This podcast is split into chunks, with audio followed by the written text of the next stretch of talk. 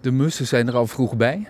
Wat denk je, zijn het heggemussen of huismussen? Heb je er een beetje verstand van? Nou, ze zitten in de heg, maar daar hangt van mij betreft Ja, dan zijn het heggemussen. Nee, maar volgens mij zijn het toch huismussen. Ja? Gezien het snaveltje. Net wat, wat, wat stomper, zeg maar. Wat minder puntig. De heggemus die, die vangt veel insecten. En die hebben een wat, wat puntigere snavel. En dat heeft deze niet. Dus ik hou het op een huismus. Ook al zit hij in de heg. Heb jij er duidelijk meer verstand van? Ik, eh, ik geef toe, ik eh, geef me over. Ja, dus- Ik geef me over.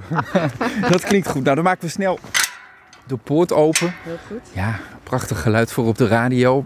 Maar ook functioneel. Want we komen uit...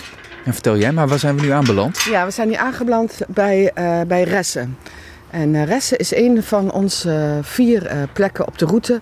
Een bezinningsplek. Een plek waar we activiteiten gaan ontwikkelen. Een plek van waaruit we ook pelgrimages van de dag of van meerdere dagen gaan ontwikkelen. En het is een hele oude plek op de route. Het is een protestantse plek. Is een beetje raar voor een katholieke pastor om bij een protestantse plek te beginnen. Maar dit is wel, eh, de dominee die hier zat, heeft, is, is wel begonnen met de pelgrimages van één dag.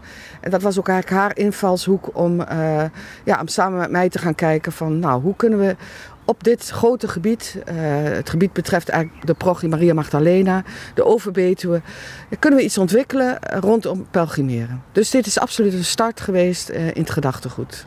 Een pelgrimsroute door de. Ik heb altijd in gedachten dat je moet half Europa door om een pelgrimstocht te lopen. Maar dit is anders. Ja, pelgrimeren betekent dat je over hele oude wegen gaat. Dus oude wegen die de dorpen verbonden, die de kerken verbonden. En eh, ja, die oude wegen liggen overal. Eh, Nederland ligt vol met eh, wandelpaden. Maar pelgrimspad is dan nog weer net iets anders. Een pelgrimspad, ja, dat is ook niet de bedoeling dat je ergens komt, maar vooral dat je rondgaat. En zo ga je ook rond in het leven, zo ga je rond over die oude paden. En kom je op verschillende momenten op het pad jezelf of iets ouds tegen. Een eh, oud kerkje. En op al die kerken staan ook weer op plekken die alweer soms teruggaan tot de, Roma eh, tot de Romeinse tijd. Dat is ook hier. En zo kom je, loop je eigenlijk over de geschiedenis van Nederland. Eh, met je eigen geschiedenis. En ja, ontmoet je mensen, ontmoet je jezelf, ontmoet je elkaar als je samen loopt. En kunnen er mooie dingen ontstaan. Tijd voor bezinning. Ja, zeker, Ja. absoluut. Ik zit naar dit kerkje te kijken. Ik heb geen idee hoe oud hij is, maar als je het mij vraagt, dan zeg ik hij is oud. Kijk, daar gaat weer een musje. Vanuit de kerk vliegt hij naar buiten. Ja, ja. Het is een oude kerk, denk ik toch? En schattig en klein, vind ik ja, hem het ook. is een oude kerk. En het mooie is van het boekje wat we gemaakt hebben, Wegen met Zegen, is dat, deze, eh, dat je ook steeds beschrijvingen krijgt, zowel van het landschap als van de stenen gebouwen. Als ik voorlees, dan staat er: Dit klassieke kerkje staat op de plaats waar al in de 7e eeuw een oude houten kapel werd gebouwd.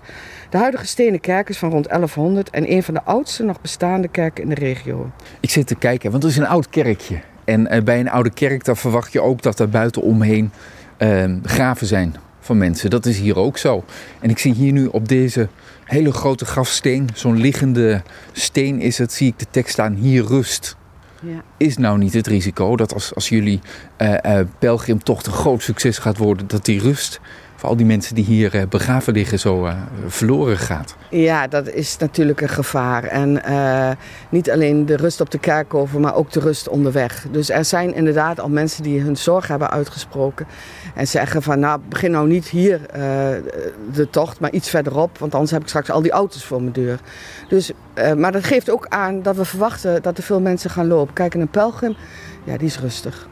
Maar die komt misschien met de auto en dat is dan weer minder geschikt. Dus dat, dat hebben we ook wel meegenomen in ons plan. Dus daar zijn we ons al van bewust.